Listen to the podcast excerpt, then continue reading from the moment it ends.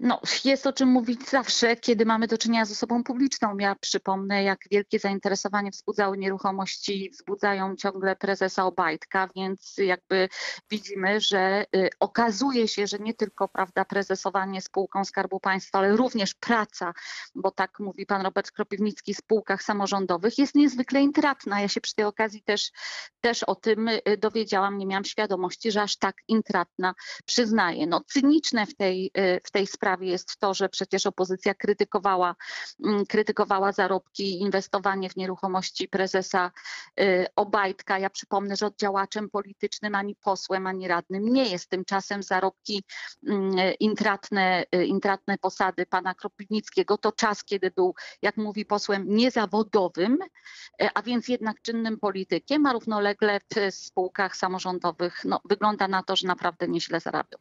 Czy zarobki w państwowych spółkach, ale też samorządowych powinny być jawne właśnie po to, żeby ewentualnie w przyszłości takie, e, takie historie nie wychodziły ponownie na, e, na jaw? Bo z jednej strony mamy oświadczenia majątkowe, ale z drugiej myślę sobie, że e, gdyby pójść w tym kierunku jawności takiej całkowitej transparentności, no to, to nikt by nie był, podejrzewam, już tak oburzony. Czy to panem Obajtkiem, czy panem Kropiwnickim, chociaż nie stawiam tutaj oczywiście myślnika, mianownika i znaku równości między tymi panami.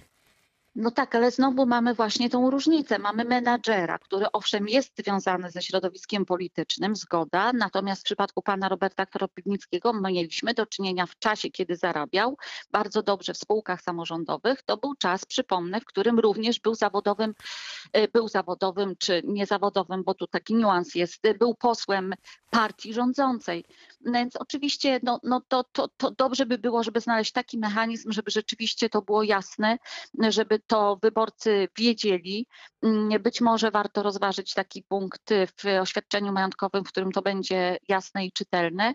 No ale przede wszystkim no, no, no tutaj takim rzucającym się w oczy, jakby rzucającą się w oczy sprawą jest właśnie ten cynizm, no bo z jednej strony krytykowanie od lat zarobków w spółkach Skarbu Państwa menadżerów, a z drugiej strony okazuje się, że czynni politycy partii rządzącej zarabiali z kolei w spółkach y, samorządowych. Także no, no, to jakby się zostały obnażone mechanizmy działania, y, działania opozycji mm, totalnej. No po prostu siebie nie widzą, innych oceniają. Zresztą w tym miejscu warto przypomnieć, że rządy Prawa i Sprawiedliwości jeszcze w pierwszej kadencji, jedną z pierwszych spraw, która została wtedy podjęta, to obniżenie y, zarobków dla zarządów w spółkach Skarbu Państwa.